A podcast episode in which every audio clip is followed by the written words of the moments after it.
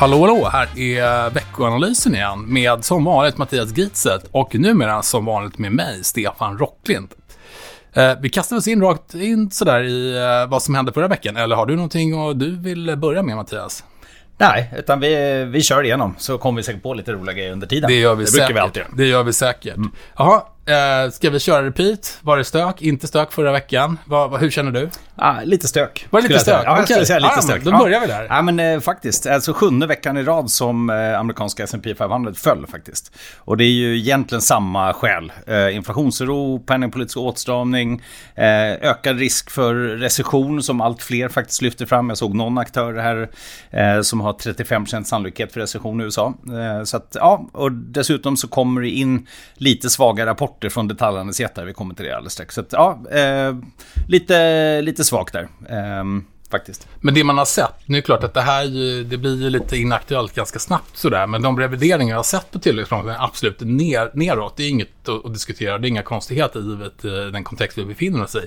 Men det känns ändå som att vi har ju, vi, fortfarande ligger vi på potentiell tillväxt eller kanske eh, en liten bit över. Så vi har ju liksom, det är ju inte det som ligger officiellt, liksom, om man säger prognosmässigt, men det är klart, det där ändras ju från dag till dag. Så det, menar, det är mindre intressant kanske vad IMF sa igår än vad marknaden tror imorgon såklart. Men det, vi känner ändå att man, man sätta det lite i... Så vi har kommit från väldigt höga tal ner till liksom mera rimlig, om man säger uthållig tillväxt. Ja, Eh, så det får tar vi se ofta då. lite tid att komma ner i prognosen. Men, Yes. men ja, alltså jag tänker som vi pratade väl förra veckan om eh, europeisk tillväxt som väntas landa kring eh, 2,5-3% i... Eh, det kommer faktiskt den här veckan redan kommer preliminär BNP-tillväxt i eurozonen som väntas komma in på 2,8. Ja. Så att ja, det, det tar ju tid och det ser faktiskt underliggande okej ut. Men det som är som sagt oron är inflation och den, den har vi på många håll och det kommer till i makrodelen. Eh, sen är det ju som sagt att om man tittar bara förra veckan då så var det ju uttalen för Powell då i Fed. Eh, han sa ju det att man kommer göra vad som krävs för att dämpa inflationen just. Och det landade ju lite fall på just onsdag då när han sa det. Eh, sen kom det lite förbättringar senare i veckan. Eh, kinesiska centralbanken bland annat sänkte viktigaste räntan för bolån. Yes. Och det är väl kanske inte bara signalen om just bolånen utan det är väl allmänt så här, kommer man till en mer stimulativ eh, situation nu. Eh, för det har ju onekligen med den hårda coronastrategi man haft så har det ju varit lite tufft. Eh, så att lättnader penningpolitiskt där skulle ju faktiskt eh, ja, gynna marknaden överlag tror jag. Yes, yes. Eh, Men, men det låter som att vi håller på och marinerar och vrider och vänder på samma gamla problem. Det är, det är inte så mycket nytt som kommer. Vi bara fortsätter att fundera lite på hur allvarligt, eh, allvarliga konsekvenserna konsekvenser kan bli, helt enkelt. Så det känns inte som att det är så mycket eh, nya eh, störningsmoment eh, som dyker upp på marknaden. Nej, utan man eh, som sagt man får ju då eh, titta lite grann på eh, eh, på de siffror som kommer in. Vi hade eh, industriproduktion, detaljhandel från Kina föll mer än väntat. Vi har eh, eh, arbetslöshet som var oväntat hög. Så att, ah, och sen hade vi faktiskt också, vi brukar inte prata så mycket Storbritannien, men inflationsstatistiken där eh, väntades ju gå upp till hela 9,1%, landade på 9,0. Och Det är ju ändå riktigt höga tal. Ja. Och det ser ju naturligtvis Bank of England på och eh, ja, tycker att det är rätt problematiskt att få se vad man agerar med där. Och det är ju också en av de centralbanker som faktiskt är on the move, så att säga. De har ju redan påbörjat en hiking cycle. De sitter Japp. ju inte och väntar, så att säga. Utan de brukar ju ligga betydligt mer tätt på Fed versus resten av Europa, så att säga. Exakt. Okej. Var det någonting annat eh, förra veckan vad, vad gäller makrostatistiken då? Ja, men eh, makro makro, men i Sverige kom det ju Value Guards eh, bostadsprisindex. Faktiskt en liten nedgång, det är vi inte så vana vid. Ehm, och eh, vi har ju haft någon siffra med nedgång tidigare och den fortsätter ju. I Stockholm och Göteborg så var det nedgång i maj också. Och eh, självklart lite oro på bostadsmarknaden som ju har hållit extremt väl under lång, lång tid. Prat, men det var ju inte någon jättestor nedgång, vad jag kommer ihåg, den här den, Nej, nej. den siffran som kom. 0,2 procent. Men det är klart, en del har ju vant sig vid 20 år att det bara går upp 5% hela tiden. Så Ja. det minus framför så kanske det är någon som börjar Ja. dra åt. Men det är väl inte jättekonstigt rent psykologiskt när vi nu pratar att vi har en centralbank som faktiskt någonstans, oavsett hur många höjningar så blir det höjningar. Och ligger man på rörliga bolån så blir det, kommer det kännas i varje höjning som kommer eh, successivt. Och sen så har vi, ja, det är ju inte bara positiva headlines om man går in på di.se eller en motsvarande eh, webbsida. Så att, eh, det, det är väl helt naturligt. Men eh, som sagt, kanske ett trendbrott, men det känns inte som att eh, husen och lägenheterna halverade i värde riktigt, nej, riktigt nej, än. Nej, det, det, det, får vi se när vi har fått ett gäng räntehöjningar om det börjar sätta sig mer. Men lite, ja. jag tror att det är helt okej. Ja. Eh, och sist eh, egentligen amerikansk detaljhandel och industriproduktion och faktiskt den var ju ändå helt okej och växte. Så att eh, man får ju se, ja, det kommer lite blandade siffror ändå, inte alltid negativt. Ja. Uh, titta lite framåt Vi var inne på det. Det, var, det känns som att det är lite samma saker som, uh, som, uh, som stökar hela tiden. Du var ute på att Fed var, var ute och pratade väldigt fokuserat eller väldigt stringent mot eh, liksom att, att vi behöver få, få kontroll på inflationen etc. Men Fed är väl också en av de centralbanker som ändå har mer ett dual mandate, det vill säga att de ska ha full sysselsättning och inflation, eller prisstabilitet ska vi väl säga, allting annat lika, eh, under kontroll. Normalt ett poppis tal verkar vara 2%, verkar ju många ha snöat in på. Mm. Men, men eh, det är ju det är de. Några andra centralbanker har ju enkom inflationen etc. att, att fokusera på. Mm. Mm. så att, uh, där, vet inte, då kom, det, kom det något nytt generellt för, föregående vecka med uh, vad, vad gäller centralbankerna, förutom att det var ute på Fed var väldigt tydlig med, med eh, att, att inflationen är prio, prio ett. Ja. Det är ju som, som, du säger, alltså prisstabilitet är ju det som i princip de flesta centralbanker tittar på. Liksom. Sen är ju Fed har ju lite annorlunda. Men, eh, så att det är väl bara fortsatt bevaka liksom vad som kommer från, från centralbankerna där. Eh, och i övrigt, eh, någonting som var lite nytt förra veckan, vi pratade förut kort om de här detaljhandelsrapporterna. Det kommer ju en del sådana kommer, eh, kommer fler den här veckan från Gap och Macy's och Dollar General och eh, Costco. Eh, intressant att se om det fortsätter en vikande trend där också. Och sen har vi naturligtvis den här nya spridningen av apkopporna som är... Ja, jag, eh, det gjorde lite ont i magen för jag vet ju att jag trodde corona var som eh, mm. fågelinfluensan och det där kommer ju bara flyga iväg. Mm. Eh, vilket alla sa första tre dagarna. Ja. Jag kan inte så mycket om avkoppor, men det verkar vara okej okay, milt än så länge och ja, inte absolut. Men eh, det verkar onekligen som eh, Världshälsoorganisationen och andra tar det på allvar. Och bara det gör ju att man faktiskt blir sådär att det är nog, det är nog bra att bevaka det lite från sidan. Ja. Det har ingen marknadspåverkan i alla fall än. Vi kan väl säga att min grupp har det som ett, liksom ett, eh, ett sidoscenario. Det är inte base case att avkoppor blir the new big next pandemic. Det är inte riktigt vad vi ser i korten. Men det är helt klart något man får monitorera i alla fall. För att eh, folk har ju corona i färskt minne. Så att, eh, ja, vi får se. Kom igenom där? Du hade några, eh, det var detaljhandel, men sen hade vi lite rapporter förra veckan. Mm. Han vi komma igenom dem? Nej, det, vi, jag sa bara att det var detaljhandelsjättar som kom. Jag sa nog aldrig vilka. Det var Walmart, Target och Ross Store.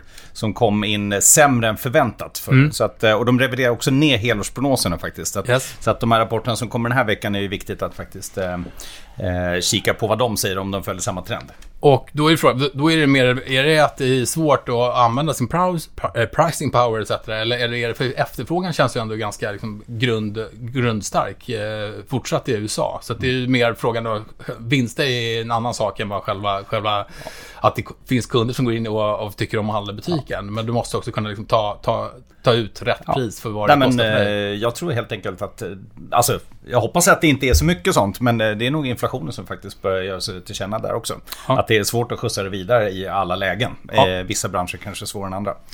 Jaha, ja. Okej, men då nästa vecka, lite, det brukar komma makro jämt varje vecka. Gör det nästa vecka också Mattias? Ja, vi har alltid veck, veckans makro. Är det, det så? Ja, ja. Eh, tyska IFO-index har vi pratat mycket om historiskt. Eh, mått på ekonomisk aktivitet i Tyskland. Väntat ett litet fall från låga nivåer redan, så svagt där. Sen har vi preliminära inköpschefsindex från bland annat Australien, eurozonen och eh, ja, överlag de största europeiska ekonomierna. Och alla väntas egentligen falla något men samtidigt ligga kvar över det här magiska 50-strecket som ju ändå är skillnaden mellan kontraktion och expansion. Så att, eh, hoppas att det håller i sig. Sen har vi mötesprotokoll från Fed. Eh, självklart intressant att se hur Fed ser på ekonomiskt klimat. Eh, om man liksom kan indikera någonting framöver. Och sen har vi svensk arbetslöshet. Eh, och eh, den föregående siffran landar på 8,2. Det finns inga estimat på den. Och så har vi också lite sådana här konsumentförtroendesiffror både i Frankrike och det här Michigan-indexet som finns i USA. Det kommer också.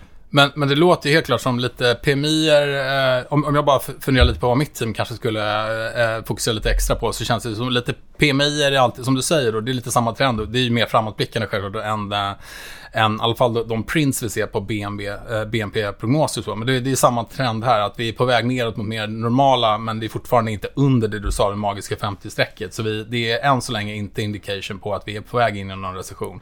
Även om det är Uh, en, en riktning som är åt det negativa hållet. Yeah, man kan väl säga så här, jag tror att eh, även om man säger 50-gränsen så, så brukar man säga att det inte är historiskt snitt utan det ligger över 50. Ja, jo men lite så kanske det är faktiskt. Så att, att det dyker ner mot 50 är väl liksom inte bra. Men tittar man historiskt, alltså riktigt negativt blir det ju först när det hamnar under 50 och trillar medan det fortfarande åker ner. Liksom, Absolut, och sen då, då, då mitt team, vi, vi borde ju ibland säga någon get the life sådär, men vi kommer nog eh, grotta in oss ganska hårt i Fed-protokollet. För där mm. brukar det finnas Eh, där vill man veta om man flyttat ett komma eller ändrat en eh, ordalydelse mm. mot föregående. Så det där, eh, det där tycker jag och mitt team om att gotta oss lite i. Får vi se, det kanske blir någonting till nästa vecka analys, helt enkelt. Låter rimligt.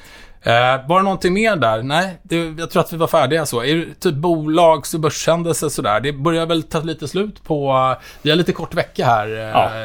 i, i Sverige. Eh, vi Precis. har eh, ledig torsdag, sen är det en klassisk svensk klämdag som ingen annan förstår vad det är. Exakt. Eh, men det... det gör ju att det inte är jättemycket rapporter kvar kanske. Nej, alltså det är Elekta på onsdag som är värt att lyfta fram. Annars är det de här detaljhandelsrapporterna. Annars, eh, ja, så de har vi lyft fram. Så I övrigt är det lite stämmor och så. Men inga, inga stora bolag i övrigt som, som har någonting. Utan eh, vi får eh, se fram emot kanske en lite lugnare vecka i och med Kristi himmelfärdshelgen då.